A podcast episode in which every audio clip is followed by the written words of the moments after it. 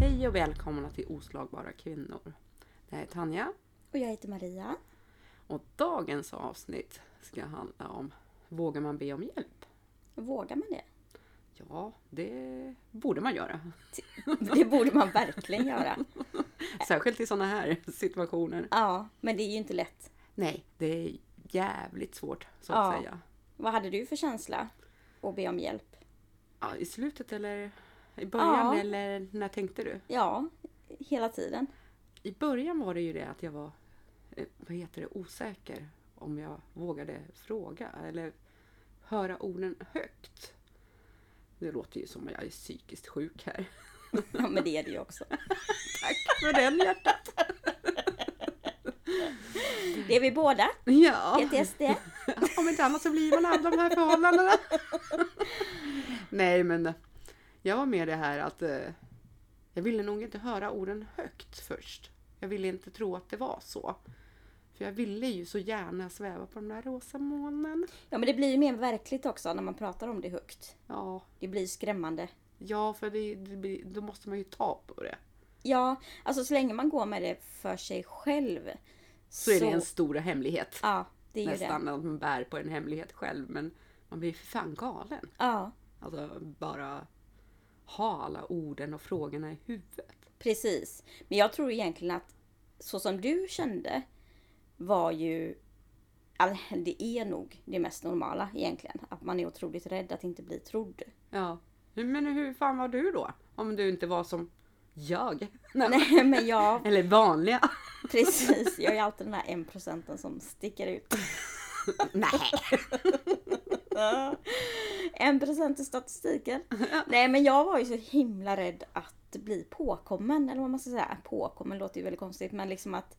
Folk skulle fatta vad du, le- hur du levde. Ja, Eller hur Att- han var framförallt. Ja, men den här liksom fasaden som jag hade byggt upp för att skydda honom. jag var ju Allting skulle livrädd. att- fallera. Vad sa du? Allting skulle ju ha fallerat då. Ja, precis. Jag var ju livrädd att den skulle rasa. Ja. Så Nej, att- fy fan vad jobbigt. Ja, så att jag, jag, jag tänkte faktiskt aldrig. Jag tror aldrig att jag varit rädd för att inte bli trodd. Ja, det Utan var jag i tvärtom. början. Alltså när jag väl skulle ta mig ur det. Så jag var livrädd att folk inte skulle tro på mig.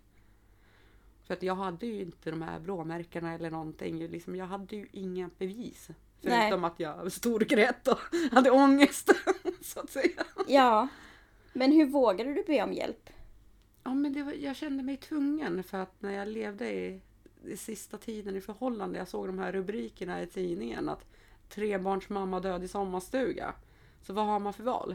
För jag ville ju leva. Mm, Jag ville ju inte dö. nej. Och jag visste att det skulle bli min död om jag stannade kvar hos honom. Så jag var tvungen. Ja, det var liksom på grund av rädsla. Men sen var det ju liksom alla kontakter som man skulle ha efteråt. Liksom. Först ska jag- kvinnofridslinjen och fan, jag tänkte nej, nej, de kommer säga att du inbillar dig. Och, och sen eh, kvinnojouren och prata med dem och, och sen, Men du tänkte ändå de tankarna att kontakta dem? Fast du gjorde inte det i början liksom. Ja, jag tänkte länge innan jag tog Innan du det- tog steget. Ja, eller gjorde jag? Nej, jag kanske inte gjorde det utan det var ju mer n- normalt att leva så. Men bara för att liksom de här strypgreppen eskalerade så kände jag liksom att jag kan ju inte leva så här. Nej. Det går inte. Jag kan inte. När du kom till en punkt liksom. Ja. Ja, Men som jag har sa- sagt tidigare i något avsnitt, det, liksom, det var ju att jag åkte till min dotter. Det var ju först då jag började förstå, för att jag, då var jag ifrån honom. Och fick perspektiv. Ja, på ett helt annat sätt. Och sen hade jag ju För går man i det hela tiden så blir det ju vardag också. Ja, det vart ju det. Och sen hade ju alla vännens ord i huvudet att ja, du förtjänar bättre och ingen Så det ska var leva någon vän så. som du ändå hade förtroende för och vågade berätta till. Jag hade faktiskt några stycken. Men det var särskilt en vän som jag pratade redan tidigt i vårt förhållande med. Hon, är ju liksom, a- hon har ju aldrig varit dömande mot någon. Utan hon har ju alltid stöttat mig i allt jag gör. Det där måste jag säga är så jäkla skönt. Ja, För att jag tror att en person som, det där var jag livrädd för också, att folk är dömande. Och bara liksom Men det Dissar finns, han? Ja, men det finns så många som är dömande när jag började berätta för vissa. Jo men liksom om det är någon som verkligen dissar han rätt av och bara du måste lämna nu. Alltså man, man, man det tyvärr var- blir det att man kapar ju kontakten med den personen istället. Ja, men det var inte det värsta, utan det värsta för mig var ju liksom att man vart, liksom, jag sket i vad de tyckte om honom egentligen. Men när de började titta på mig som om jag, fan du är ju dum i huvudet som lever i det där. Det var ju värre.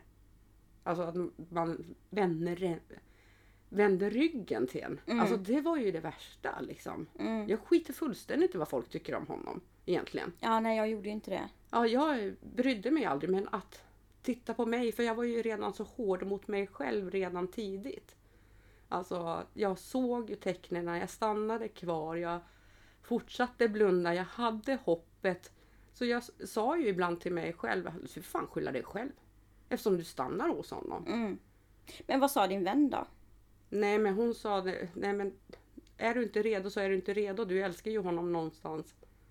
Så liksom, det är klart att du stannar för att du liksom, du, du har, känner ju äkta kärlek till honom. Ja, Hon satte liksom ingen press på dig. Nej, aldrig! Nej. Hon liksom, oavsett att vi flyttade runt i hela fucking jävla Sverige så var det liksom att jag stöttar dig vad du än gör, jag finns här.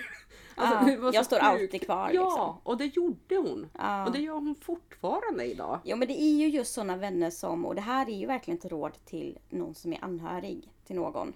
Ja, Eh, att döm inte. För att alltså, du kan tycka att personen ska lämna hur mycket som helst. Men den här personen kommer aldrig någonsin lämna relationen förrän den själv är redo att göra det. Plus att hon var den första jag ringde när jag hade lämnat. Mm. Hon var den första som fick veta att jag hade flyttat till kvinnojour. Jo men du hade ju förtroende för henne, för hon har ju stått Ja, vid din sida för att hela, hon hade hela vägen. aldrig dömt mig någonsin. Nej, Hon hade alltid funnits där så det var ju så skönt liksom. Och det är där du menar som du säger. Döm aldrig någon. nej. För att det är liksom de vännerna. För det var ju flera stycken som dömde mig. Och jag kände mig ännu mer fastbunden med honom. På grund av det. Bara. Liksom att det, Ja men då fick man ju det. Ah, se liksom du är ingen bra människa. Liksom, du har bara mig och... Alltså... Ja, du trodde på alla de sakerna till slut. Ja precis. Mm. För att det, det var, ju- han kunde ju peka ut det. Så tydligt. Det vart ju fakta. För mig på ett annat sätt. Att eh, okej, han har ju rätt. På det. Så han säger liksom. Ja. Det, det vart... Nej usch. Ja, och sen tror jag att om någon säger liksom, ah men eh, gud, du ska lämna nu liksom. Alltså då blir man ju också så, det blir som att man känner som press och att mm, man älskar ju honom. Och man kanske inte är där just att lämna. Så det är ju egentligen det sista man behöver höra. Ja för man vet ju det innerst inne i alla fall. Liksom att jag måste ju lämna han men jag kan inte. Jag Det är kan Eh, för- inte, för och att eller jag, älskar vågar han. inte heller kanske. Nej. Och jag älskade honom. Ända till slutet. Liksom, fast jag lämnade han så älskade jag han. Jo, nu får du ta lite att dricka tror jag, du håller på att tappa rösten här. Jag känner det också. Nej men jag skulle säga det också att sen faktiskt en våldsrelation. Det är ju väldigt stor skillnad att lämna en våldsrelation och en vanlig relation får man inte glömma. Definitivt.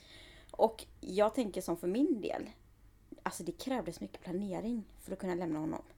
För att jag var ju tvungen att hela tiden ligga steget före honom. Alltså jag hade mina Men det kul- var bara för att man är van att leva så i förhållande. För att det liksom, du var ju tvungen att anpassa dina dagar på grund av liksom hans mående och liksom hans humör. Precis! Och det Så- går ju inte bara att lämna så hux Nej. flux. Men det gjorde jag.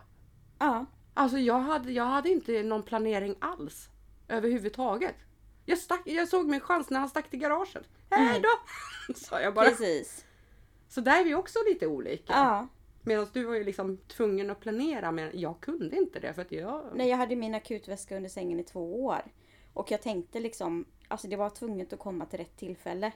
För att jag hade nog, alltså. Jag hade inte kommit med livet i behåll annars. Men för mig var det mer det här liksom att när jag såg, eller när han str- tog strypgreppet första gången och jag tittade in i hans ögon. Det var då jag visste. Jag måste ut. Jag måste härifrån. Men jag visste inte hur. Jag Nej. visste inte när. Jag hade inte planerat någonting. För jag hade ju bara en ryggsäck med lite kläder i när jag stack. Ja. Jag hade ingen plan alls. Så jag skulle bara vara borta en helg. Men vad, vad fick du för bemötande när du sökte hjälp? Alltså de var ju helt underbara. Jag ringde ju som sagt eh, Kvinnofridslinjen. Eh, och hon var ju helt underbar. Mm. Men jag tänkte fortfarande att hon är bara överdriver allting. Ja. Alltså, Men kände du dig trodd? ja, det gjorde jag för att jag fick två nummer av henne som jag kunde ringa. Och sen valde jag faktiskt senare, vilket jag har berättat också, att jag valde att ringa, vad heter det, en av numren. Och jag säger fortfarande idag, det var hon som räddade mig. Mm. Det var hennes bemötande och hur hon reagerade, vad hon sa som gjorde att jag kände mig trodd. Men tror du också att det är avgörande att du fick hjälp direkt? Ja, ja, ja, ja annars hade jag ju liksom åkt tillbaks till honom. Ja. Jag hade definitivt gjort det. För jag tror att det är så för många utsatta kvinnor att man är ju väldigt vacklig. Att man liksom...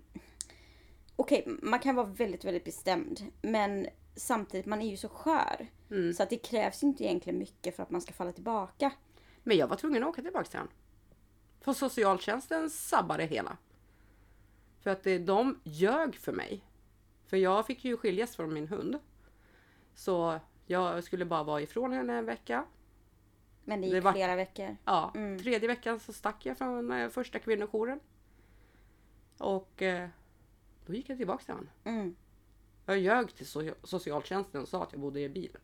För jag var så jävla rädd att att de inte skulle hjälpa mig. Mm. Men det var de som gjorde att jag var tvungen att gå tillbaks. För hur fan skulle jag annars liksom få tillbaks min hund? Ja. Jag kunde inte Det var, vänta längre. en, det var bara för din hund som du ville, eller kände du att liksom, du ville ge henne en ny chans eller? Jag visste att det skulle gå åt helvete. Ja, jag visste okej. det. Men det var begr- på grund av att jag var ifrån henne. Alltså jag, jag hade sån ångest utan henne. Det var, hon var ju min ångestdämpade medicin så att säga. Ja, Så hellre det, att gå tillbaka till hon- honom för att få återförenas med min hund. mm. Så där ser man hur viktigt det är. Att man får rätt hjälp direkt. Precis. Mm. Och inte som jag råkade hamna på en annan kvinnojour och skiljas av min hund och hon fick bo hos kompisar hit och dit och Alltså det går ju inte. Och det är det myndigheter också måste ta lärdom av. Eh, att kanske inte säga då att ja, men du får återkomma om en vecka. Då ja, kanske för vi har en jag plats till frågade dig. specifikt hur Ja. länge måste jag vara ifrån henne? Och då, hon sa högst en vecka. Mm. Hon sa högst, inte minst. Så då trodde jag på henne. Ja, Och så vart det ju inte. nej. Men vad fick du för hjälp sen då? Eh, jag hamnade ju till sist eh, på, kvin- på en kvinnojour där jag fick ha henne. Din hund. Ja. Mm. Och där var det ju liksom, ja gud. När jag fick träffa den kvinnan som hade tagit emot mitt samtal som räddade mitt liv och det var första jag sa när jag kom dit. Liksom. För det var inte hon som mötte mig utan det var en annan. Och jag frågade efter henne direkt. "N- När kommer hon? För hon var ledig. För jag, det enda jag hade i huvudet att jag ville tacka henne. Jag ville tacka så henne så gärna för att eh, hon hade ju räddat mig. Och det, hon säger fortfarande idag, nej men det är inte det är jag som har räddat dig utan du har räddat dig själv. Men, men jag vet att hade inte hon bemött mig på det sättet som hon gjorde så hade jag aldrig lämnat. Alltså hon var helt gudomlig. Vad var det i hennes bemötande som gjorde att du kände så? Hon trodde på mig. Hon var verkligen att hon brydde sig på riktigt. Hon gjorde ju så att jag kände mig välkommen, att jag var... Jag var inte den belastning som jag trodde, som jag hade alltid fått höra det av honom. Så liksom, hon var äkta på riktigt. Var hon. Du berättade ju att du gick tillbaka en gång. Ja. Men hur såg kontakten ut med honom efteråt? Efter att jag hade stuckit igen, Mm. eller rymt igen. Ja, precis. Jag kom- kommer ihåg, jag satt i min soffa på mitt boende. Telefonen ringde och jag såg hans namn. Och han ringer och säger Hej älskling, vad ska jag köpa till middag? Ja, herregud. Mitt alltså hjärtat slog Ja, i bröstkorgen. 200. Ja, och jag trodde det fan att det skulle komma ut. Ja, Och jag svarade lugnt. Jag vet inte. Jag är på kvinnojour. ja du sa det. Ja, han bara aha. Och så la han på. Är det sista samtalet med honom? Ja, samtalet var det. Mm. Ja, Sen har han skickat sms och så? ja precis. Ja. Men du, efter en tid så blockade du då honom? Och det tog jävla lång tid Ja, det gjorde innan det. jag var redo. Det s- tog säkert över ett halvår. Oj! Ja, innan jag vågade göra det. Ja, För jag hade ju mina grejer liksom så länge i hans garage. just det. Och sen måste man ju hämta dem efter viss tid enligt lag för annars faller de till honom. Så vi började ju vara i sluttampen, jag tror att det är tre månader, jag kommer inte ihåg exakt, jag tror att det är tre månader eller något sånt. Och eh, jag var så jävla rädd att hämta de där sakerna. Ja, Men eh, hon på kvinnojouren som hade räddat mig, hon pushade mig. För jag Åkte hon försökte ju- med eller? Nej, Du åkte ensam? nej, Nej. Det- jag hade en ideell kvinna, Ah, okej. Anita, Ah. som följde med mig. Shout out Anita! Precis. Nej, så hon följde med och så var det en flyttfirma som var med. Och jag hade ju sagt att jag vill gärna att de vet vilken situation det är. För att... eh, För, för säkerhets skull på något sätt Mm. kände jag. Så att ifall att det skulle bli någonting så att de är beredda. Precis. För jag ville inte att det liksom... Jag hade ju skämts ögonen ur mig om han hade bara dykt upp och det hade blivit världens jävla kalabalik. Men, men har du liksom funderat på att gå tillbaka? Oj, många gånger. Ja. Ja, många gånger gjorde jag det. Eh, Inte idag längre. Eh, ni som lyssnar, hon har aldrig tänkt på att eh, gå tillbaka. Men du ska inte säga någonting. Du måste erkänna att du själv också har tänkt den det tanken. har jag verkligen gjort. Jag tror nästan att alla i vår situation har gjort det. Ja, Mm, så det är helt sjukt att man Ja. väljer att gå tillbaka till helvetet egentligen. verkligen. För det blir bättre, jag lovar. Det är en tuff jävla resa, men det blir bättre. Det blir bättre med tiden. Ja. Tiden läker alla sår. Ja, Fast man inte tror det. precis. Fick du göra en fredagsutredning? Ja, det fick jag. Det fick jag verkligen göra. Och det tycker jag var tufft. Ja, Det vart så bekräftat på något sätt. Det vart verkligt. och Hur för jag er hade- som inte vet vad det är så är det ju en bedömning på våldet kan man säga. Ja. Och vi kommer ha... Vi kommer faktiskt gå igenom våra egna fredagsutredningar. Med våra lyssnare. Ja, framöver. Ja, i ett avsnitt. Det blir ett skräckavsnitt. Ja, för jag har inte läst det efter det. Har du? Nej, alltså jag är livrädd. Ja. Jag är livrädd. ja. Jag har inte läst min sen jag gjorde den. Inte jag heller. Så det ska faktiskt bli lite spännande att göra Ja. det avsnittet. Verkligen. Men Spännande och läskigt också. Ja. Lite skrämmande kan jag nog också påstå att det blir. Verkligen. För då åker man ju tillbaks lite. Kanske, eller känslomässigt. Ja, det gör man ju och det gör man ju egentligen bara om prata om det här. Ja. Så åker man ju tillbaka. ja, men bara till den där känslan som man hade då när man kände sig helt värdelös och liten. Då ska vi kanske gå till dig Maria. Tack för det här avsnittet. Hej då! Försök inte! men när du försö- bad om hjälp, hur var det för dig?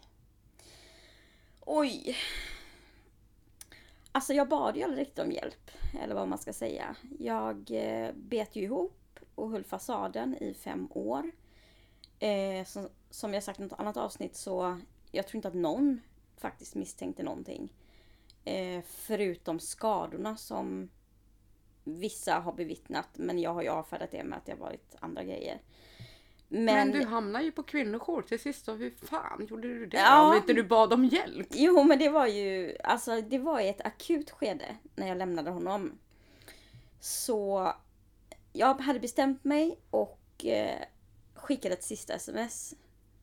Eh, sen Vad var, skrev du i sms? alltså jag skrev, det var ju så här att han lämnade ju mig. Han gjorde ju slut i affekt tusen gånger.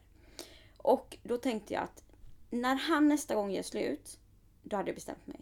Ja. Nu lämnar Du bara jag. gick och väntade egentligen Ja, på jag att gick han och skulle väntade. För göra att jag slut. visste ju att det fanns inte på världskartan att jag skulle kunna göra slut. Så när han gjorde slut, jag packade ihop hans saker, åkte och lämnade dem utanför hans bil. Eh, jag ville ha tillbaka min nyckel, vilket han gav tillbaka i affekt. Som han aldrig någonsin har gjort innan. Oj. Men han kanske såg på dig någonstans att nu var det allvar. Nej, jag, tror- jag tror faktiskt inte det. För att då hade han nog aldrig vågat lämna nyckeln. Däremot så var han nog så liksom arg just då att han liksom tänkte att "Ha, nu ska hon få liksom. Mm. Eh, Men då skickade jag det här smset och jag skrev liksom bara att jag vill tacka för den här tiden och eh, jag, vill, jag har kommit fram till att vi ska gå olika vägar liksom. Jag önskar Det dig var ju modigt av dig Ja att men liksom, göra jag det. önskar dig ingen, inget annat än lycka i livet. Ja. Verkligen. Och eh, ja, men det var, det var något liknande sånt i Ja, alla fall. jo, Det jag var förstår rätt det. fint liksom. Det var inget agg, ingenting. Och i min, min liksom naiva hjärna så trodde jag väl att ja, nu kommer det ta slut där. Fast en del av mig visste Ja. att det skulle inte det. Man eh, hoppades någonstans att det skulle vara ett så här normalt slut som på ett normalt förhållande. Precis. Jag packade mina grejer. Eh, Mina barn var hos sin pappa. Eh, Jag åkte till mina föräldrar. För jag kände att hemma är inte säkert för mig att vara just nu. Nej. Ehm, Berättade du för dina Ja. föräldrar? På vägen så ringer jag till mamma och berättar det här. Och då Hur visste reagerar jag. de? Eftersom de inte visste någonting. Alltså hon blev väldigt chockad faktiskt. Eh, sen fick inte jag riktigt. Alltså, det, det, man säger att jag fick fram toppen av ett isberg. Om man säger så. Liksom att, ah, nej men. Linda in dig i bomull lite. Ja men liksom att, nej men jag har nog, jag känner nu liksom att det har ju varit dåligt ett litet tag och jag känner att den här svartsjukan har liksom gått lite över hand eller lite överstyr liksom. Så du och- försökte fortfarande skydda honom? Ja, men det, det gjorde jag. Men ändå de här sakerna, som, små sakerna som jag sa till mamma och pikade om, tog hon väldigt hårt. För det Hon var sa inga liksom- saker som du hade sagt under någon, Nej. någonsin under Nej. ett förhållande. Och hon sa flera gånger liksom, oj jag trodde det var så bra mellan er. Men det här låter verkligen inte bra sa hon. Eh, klart att du ska komma hit liksom. Men vad gulligt. Ja, och jag åkte dit. Men efter två dagar ungefär så började han smsa mig. Hur reagerade dina föräldrar på det? Sa du till dem? Ja, det gjorde jag. Eh, I början sa jag ingenting. För att då var det liksom bara hallå liksom. Ja men alltså. Jag saknar dig, jag älskar dig liksom. Det kommer alltid vara vi. Alltså de här Ja, sms'en. precis. Men sen vände det väldigt snabbt till att det blev liksom obehagligt. Att han skrev jag vet vart du är. Du är hos dina föräldrar. Jag ser vart du har parkerat din bil. Ja, men det där är så standard de här männen. Liksom. Det är, först är det gulligull och sen blir det liksom... eh, Svänger det? Ja, att det kan vara liksom halvdant, liksom att det är halvhot och sen blir de nästan hotfulla och sen... Ja, är och sen liksom, kan det bli gulligt igen. ja, det, sen börjar cirkusen om igen. Det Ja. är ju som att åka berg och dalbana, man skriker och man liksom är rädd. Precis. Och, man tycker det är kul samtidigt. Och, alltså precis som att åka en berg och dalbana. Ja, det för är en fan. berg och dalbana utan dess like. Ja. Liksom. En känslostorm helt enkelt. Och sp- spökhuset på det. Ja. Men eh, i alla fall när han skrev att han var eh, liksom i samma stad som mina föräldrar. Nej, Fy fan vad Då, läskigt. ja, då gömde min pappa min bil i deras garage. Ja. Och mamma ringde polisen. Och eh, de här poliserna ringde upp mig. Ja. Och jag hör liksom sirenerna i bakgrunden. Och de säger vi, vi är på väg och vi, vi är några mil bort men vi skyndar oss så mycket vi bara kan. Lås alla dörrar, håll er Det är ju inne. som en film. Ja, och jag tänkte bara men vad fuck är det som händer? Men fattade du att det handlade om ditt Nej men liv? jag tänkte de överdriver.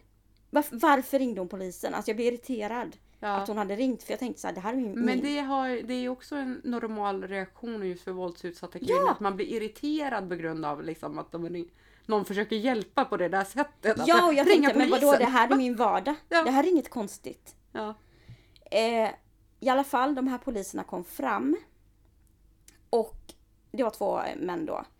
Eh, otroligt professionella. Alltså Ja. otroligt. De frågade bara, kan vi sitta någonstans liksom, där du är bekväm? Typ. Men Mm, vad gulligt. Ja, och mina föräldrar var i ett annat rum. Eh, och vi satte oss ner och liksom... De frågade ju lite vad, ah, vad är det som hände och sådär. Jag berättade situationen. Och Hur mycket berättade du? Ja, men det, de var otroligt smarta måste jag säga. För Ja. att de hade ett sånt pedagogiskt bemötande så att de liksom... Ja men de, de började sådär, men kan du inte berätta lite hur ni träffades och hur har det varit och liksom jag... Jag började berätta från Ja. första början hur det var. Och sen blev det liksom, ja men en timme blev tre timmar liksom och fyra timmar. Och vi bara pratade och pratade. De ställde ju massa, massa frågor under tiden. Hoppas ni bjöd på kaffe. Ja. ja, och då liksom när jag var, hade berättat färdigt, då säger, tittar ju en av de här poliserna på mig liksom. Eller båda två. Och Ja. säger liksom att, ja, men det här är ju liksom grov kvinnofridskränkning.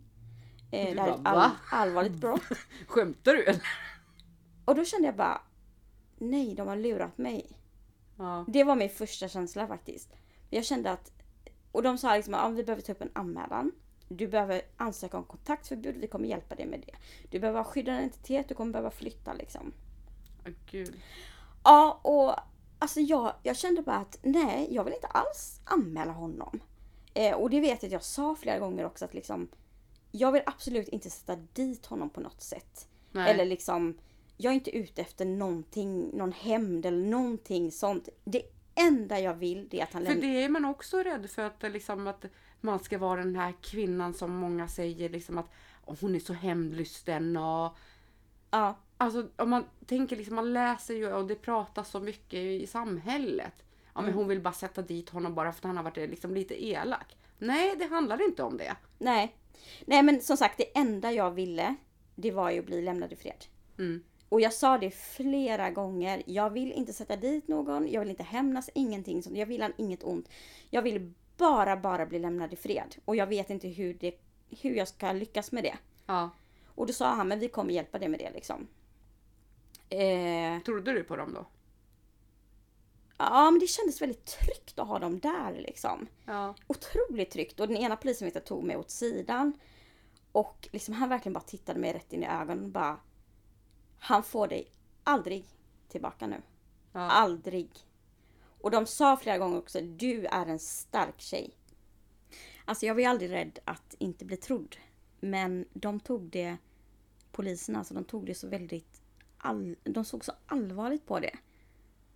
Men hur kändes det för dig? Ja, men var ju det helt plötsligt chockade ditt mig. liv det handlade om. Ja, det chockade mig faktiskt. Men sen liksom, jag kastades nog mycket mellan att nej men det är helt normalt liksom. Och att liksom, ja, men om någon får veta vad som händer så skulle de aldrig förlåta honom. Eller de skulle aldrig acceptera den här relationen. Och min pappa var ju också emot den här relationen egentligen hela, hela tiden. Så att där kände jag nog också en väldigt liksom, Varför var han emot det då? nej han hade en dålig känsla från början. Magkänsla. Ja. Han eh, kunde inte acceptera det. Men ljög du för honom då? Hur Ja, det det gjorde hade jag. det? Det gjorde jag. Eller spelade du teater? Både och egentligen. Men där var ju också... Men var inte det jobbigt då? Det är din pappa liksom. Och jag vet ju att du står nära din pappa. Jo, det var jättejobbigt. Men samtidigt kände jag ju att jag älskar ju honom och det är han jag vill leva med. Och... Eh, Ditt ex då? ja, mitt ex ja. Och... Eh, Klart du älskar din pappa också. Men jo, alltså, men jag ville ju liksom verkligen att han skulle bli accepterad i familjen. Mm. Så att det... Jag fick ett jättebehov av att skydda honom. Och att liksom få det att verka som att allting var så bra. Och sen visste jag ju också att om någon får veta det här så... Nej men alltså, de kommer aldrig acceptera det liksom. Jag kommer stå här ensam. men hur reagerade han när han fick veta? Min pappa. Ja. Alltså jag sa att han var inte så chockad. För att han är ju en av dem som... Alltså han vittnade ju på min rättegång också. Han är ju en av dem som har faktiskt sett ganska mycket skador på mig. Eh, min pappa älskade att fota. Så han Ja. har allt, han går ingenstans utan sin kamera. Och han har vid flera tillfällen fotat och sett skador på bilderna. Eh, men även frågat mig också. Men har han fotat dem i smyg eller? Nej, det har han inte gjort. Men liksom att vi har sett så jag har gått med solglasögon och han kunde liksom minnas sig tillbaka. Aha, det var den gången när Maria hade en stor blåtira. Liksom. Ja. Det var när hon inte tog av sina solglasögon när vi träffades. Och det hade han ju kort på. Ja. Eh, så han visste ju liksom, han kunde minnas sig tillbaka. Ja, men det var våren då liksom. Ja, när det nu var. Så att, ehm, Men när du öppnade dig för liksom, både polisen och dina föräldrar. Kände du dig naken helt plötsligt? Eller var det så här? Vad kände du? alltså jag kände en stor sorg, gjorde jag. Eh, det var ju inte så jag ville att det skulle bli liksom. Nej. Jag vet den känslan, jag ville inte heller. Jag kände också sorg men, men jag kände också mig utblottad och naken. Särskilt liksom när det var vilt främmande människor som började beblandas in i mitt liv. Och om mitt liv framförallt. Ja, men sen samtidigt kände jag att jag... Jag hade väl dåligt samvete för att jag hade, som du sa, ljugit. Ja, Det var faktiskt, alltså jag typ bad om ursäkt till alla. För att jag har ljugit och liksom, förstod de det? ja, jag, jag fick jättemycket förståelse för det. Ja. Ehm, Fick du bra bemötande av alla? ja, det fick jag faktiskt. Jag kan inte s- minnas att jag fått ett enda dåligt bemötande och så. Sen också var det ju liksom mycket, alltså det var ju väldigt jobbigt med det här med polisen. Jag kommer ihåg att jag sov ju inte på hela den här natten. Jag tänkte liksom att hur ska jag kunna liksom ta tillbaka allt det här jag har sagt? Ja. eh, dra tillbaka anmälan så jag vill inte medverka i det här liksom. Och det, det bara kändes som en enda mardröm alltihop. Jag ville bara spola tillbaka och att, ja, men, kan inte liksom det bara bli de här, ja, de här fina minnen man hade med honom liksom. Tänkte du någonsin att du skulle gå tillbaks då? Ja men det är ju... Inte där och då tror jag inte. För att jag var Nej. så otroligt bestämd. Och sen också... Alltså jag tror att det var liksom mycket, så mycket som hände då. Att polisen ringde mig varje dag. Jag tror det var i tio dagar. Oj. Alltså det var olika poliser. Ja, Man Eh. hinner ju inte fatta heller liksom vad som man har satt igång egentligen i en sån situation. Nej men liksom de som ringde för att fråga hur jag mådde. Och Ja. ta dagliga uppdateringar.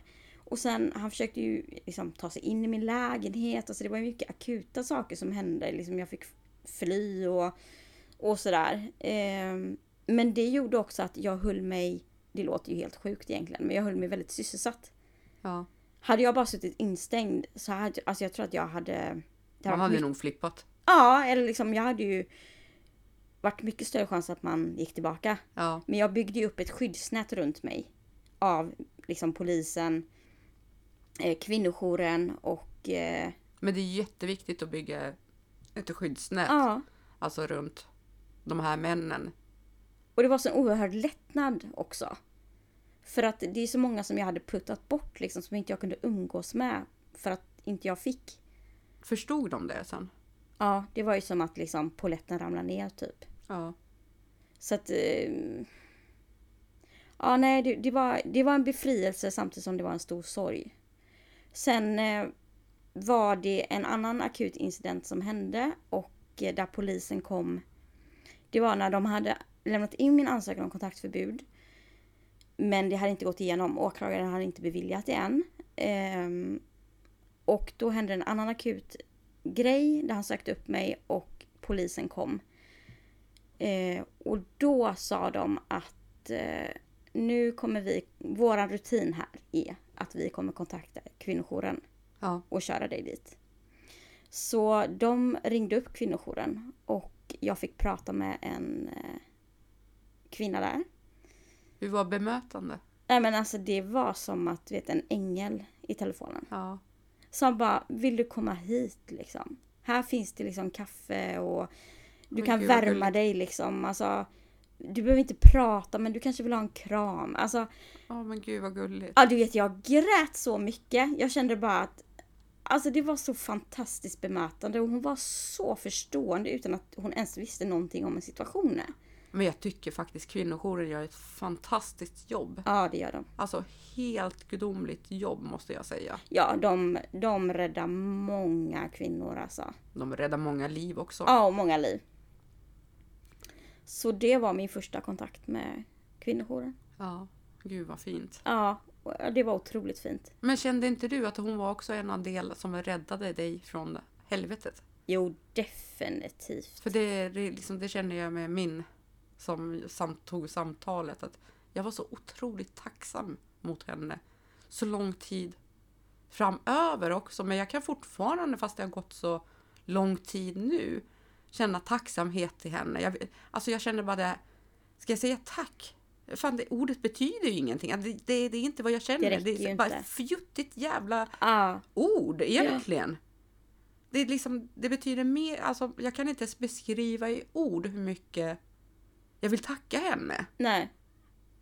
Nej, jag känner exakt likadant faktiskt. Det är liksom helt ovärderligt. Ja. Och de här samtalen som man hade.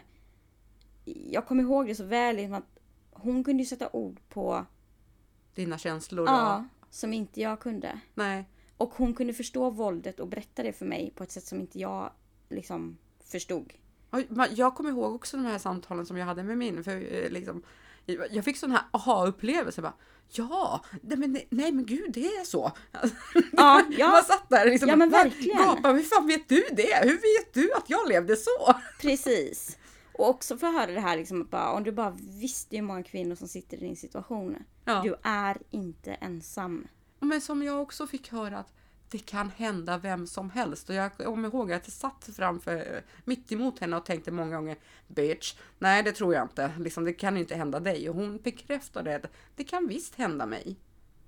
På Precis. liksom ett sätt. Men jag bara, va? Nej det tror jag inte på. Men, Nej. ja, men idag förstår jag att det kan faktiskt hända vem som helst. Ja, det kan precis, hända precis vem, som, helst. Oavsett bakgrund, yrke eller någonting. Samhällsklasser, Ja. allt. Precis, det kan Mm. precis hända vem som helst. Ja. Det kan det. Men jag skuld, alltså jag skuldbelade mig själv väldigt mycket. Också. På vilket sätt då? Ja, men jag, jag kommer ihåg att det var också bland liksom det första jag sa i polisförhören att eh, jag har ju inte varit en ängel själv. Ja, Alltså det, det var liksom det viktigaste för mig att få fram. Att jag ville liksom inte lägga all skuld på honom. Liksom att ja, men jag har också sjunkit till hans nivå. Jag har också sagt dumma saker. ja men det är klart att man gör det. Det, är liksom, det krävs ju två. Men har du någonsin sjunkit verkligen till hans nivå? Nej, det sa ju den här utredaren till mig, eller förhörsledaren, att fast du har ju inte liksom, du har ju inte misshandlat honom. Du har inte förföljt honom. Du har inte trakasserat Men på honom. vilket sätt tyckte du då att du Jag har inte sjönk till kontrollerat hans han. nivå? Ja men jag tyckte liksom att, jag menar, när vi har haft våra tjafs eller bråk så, ja men jag har ju också sagt ifrån. Ja, men det är självklart för du försvarar ju dig själv. Jo men, Vem ska stå upp för dig om inte du gör det? nej precis. Inte men är det han. det var liksom, det var ett väldigt stort dilemma för mig. Men jag tror att också liksom, om man tänker tillbaka till den, den tiden vi levde med dem. För jag skuldbelagde mig själv också att om jag bara var snällare. Tror inte det kommer därifrån? Att man anpassar sig till deras liv. För om du tänker, man är ju egentligen hans marionettdocka. Han styr ju trådarna precis hur du ska vara, hur du ska bete dig, vad du ska känna. Jo men så är det ju. Men sen fick man ju också höra väldigt mycket. Att ja men det är du som är psyksjuk eller nej. du Det är fick jag också. aggressiv. och jag kommer ihåg när min mamma sa till mig liksom att du är nog den minst aggressiva människan jag någonsin Ja, gud ja. har mött. Och då tänkte jag bara, jaha men det kanske Jag är bara glad att du har börjat ha en röst idag. Ja. Alltså om jag, liksom, om jag tänker på den Maria som jag lärde känna. Alltså, jag kommer ihåg första gången jag träffade dig. Jag såg direkt, det är inte ett ont i dig överhuvudtaget. Det finns ingenting. Den är genomsnäll. Nästan en för snäll människa som folk kan köra över. Mm. Alltså du har sån alltså, snällhet som få människor har. Vad gullig du är. Nej, jag är bara ärlig. Jag är inte gullig någonstans. Jag är bara ärlig. Jo men jag menar alla människor har ju sina fel och brister och jag, Ja, men har, det- jag har ju så svårt att lägga skulden på någon. Ja, men du är väl medveten om dina fel och brister? Jo, Precis absolut. som jag var i mitt förhållande. Jag var ju väldigt medveten om mina fel och brister. För ibland när jag försökte prata med honom så kunde jag lägga, ja men jag vet att jag gör det här och det här fel. Vad tycker du att du gör fel? Mm. Men kände inte du att det också var en drivkraft att lämna?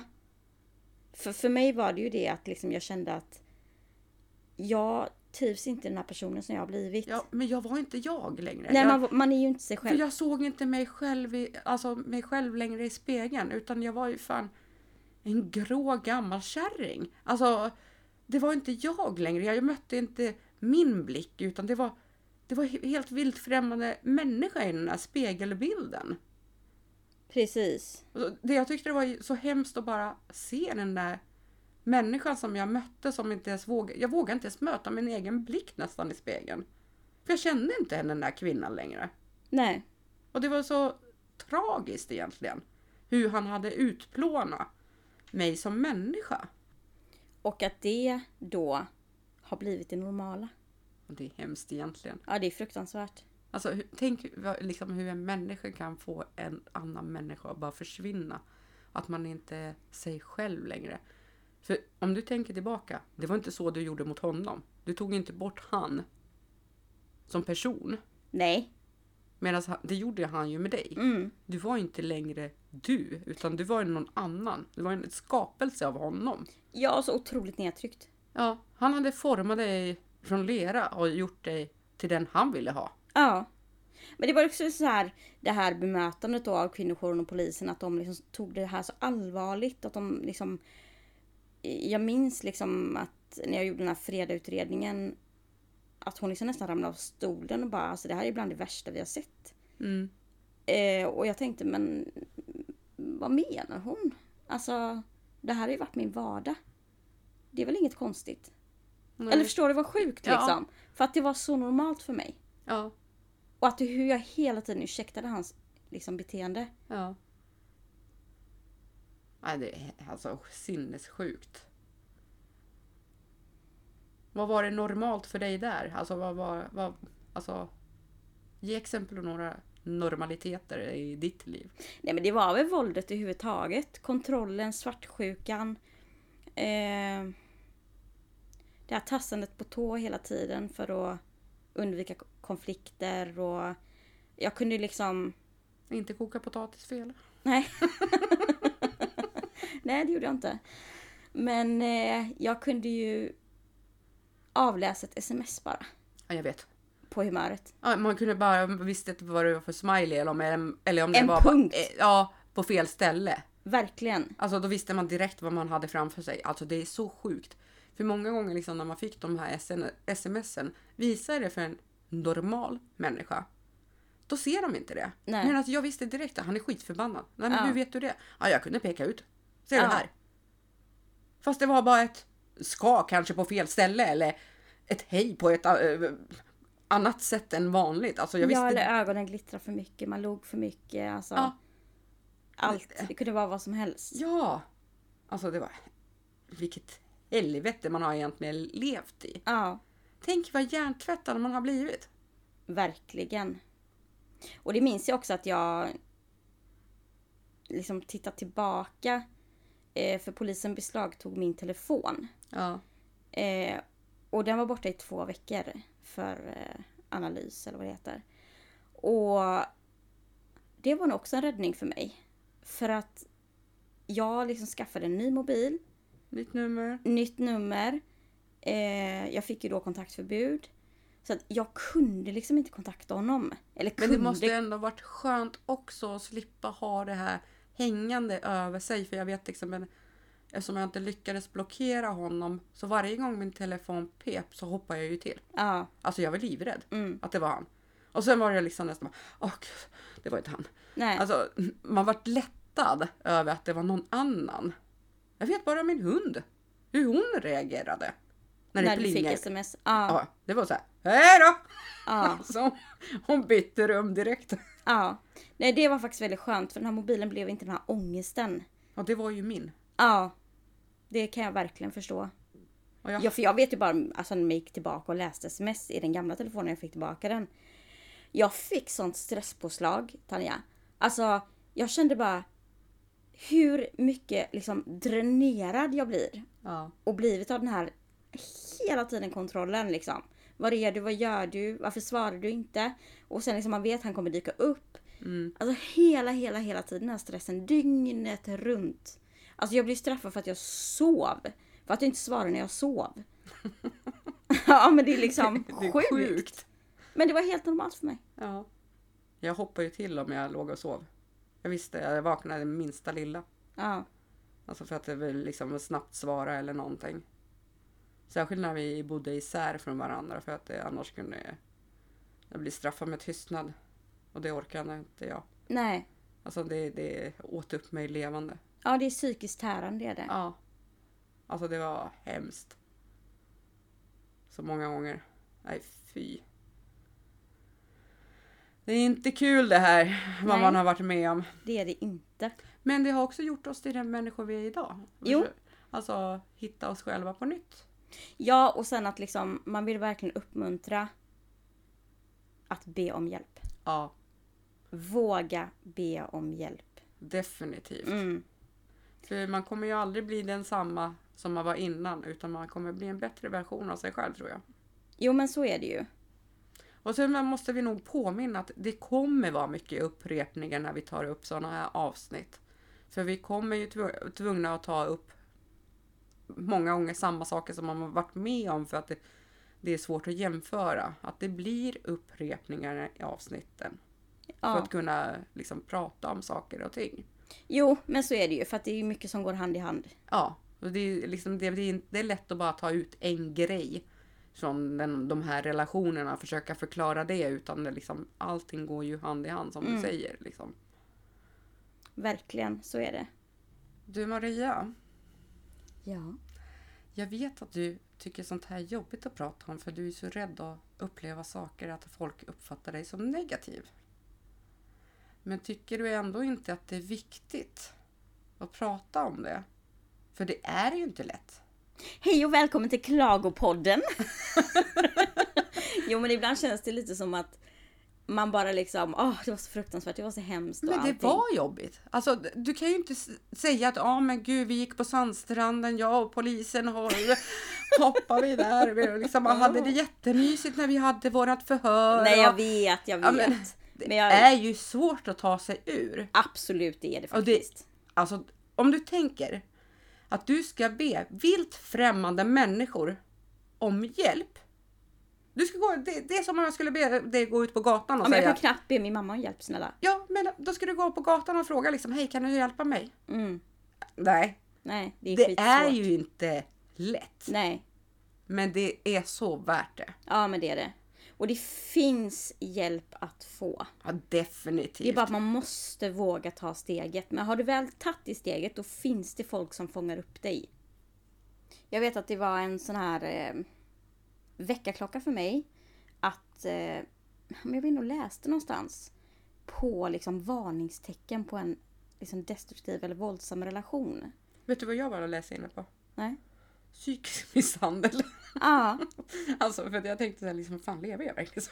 Men alltså, och så skrattar hon också. ja, men vad ska jag? Ah, vad roligt! Nej, men, och sen började jag ju föra Jag in skojar. den där lilla almanackan. Ja, Alltså, när, hur ofta jag grät. Alltså Ah, hur ofta fy. han li- gjorde mig ledsen. Mm. För att liksom få svart på vitt. ja men då är man Alltså det desperat. är, det är, ja, jag fattar inte det. Nej. Nej men jag tror att det också är mm, ett sätt att eh, liksom, ja men kanske ett steg innan man vågar be om hjälp. Ja. Att man liksom, eh, Men då ser man något, till exempel som jag gjorde, jag ville bara se om det var så. ja, får bekräftelse. Ja, och hade jag, skrev jag upp det, då var det ju verkligt. Mm. Då såg jag ju liksom ofta för att dagarna flöt ju in i varandra. Ja. Så jag visste ju inte vilken dag som hade hänt vad. Nej. Och det är liksom, och då hade jag ju skrivit, ja grät, grät i duschen, Ja. han sa någonting elakt eller Mm. han klankade ner på mig, han skrattade åt mig. Alltså, då såg Det var ju jag det. smart. Alltså för att kunna se det, men jag kunde inte skriva för mycket ifall han skulle hitta det. Mm. Så, Nej men det, det är liksom, det är ju ett steg i rätt riktning också. mm. Men sen liksom att det viktiga är ju verkligen, det finns ju Kvinnofridslinjen. Definitivt. Eh, 020 50 50 50. Jajamän. Eh, man kan ringa polisen. 112 i akuta fall. Eller 114 14. för rådgivning. Ja, precis. Och eh, det finns ju även liksom på sociala medier olika grupper som man kan ta hjälp av. Alltså Man kan, få chatta med stöttning. andra liksom, av, eh, liksom, eller bara lägga ut ett anonymt meddelande på vissa grupper, på Facebook till exempel. För att det, liksom, se hur folk reagerar. Ja, och få råd hur man ska gå tillväga. Ja, Eller Ja. man kan googla upp närmsta kvinnojour eller... ja men det får man när man ringer till Kvinnofridslinjen, de är bättre på det. Ja, just det, då kartlägger de det. Ja precis, då frågar de var, liksom, vart du befinner dig Mm. gick och aldrig kollar den i liksom, närmaste. Jag fick ju gräddan in direkt från polisen. Och så skrattar hon då! ja, det måste man göra också i allt elände. Ja definitivt, annars blir det ju för tungt. Ja. Men vad säger du Maria? Vad tycker, Ja. du, tycker du att vi har pratat färdigt? Om vågar Pratat man färdigt be har om vi hjälp? väl aldrig gjort. Nej men vågar man be om hjälp? Ja, men det tycker jag. Och har ni frågor så är det bara att ställa dem. på Ja, Instagram. Maria älskar frågor. Ja. Och vi kommer länka våran TikTok och Instagram i beskrivningen. Så ses vi nästa vecka. Det gör vi. Ha det så gott. Puss och hej! Hej hej!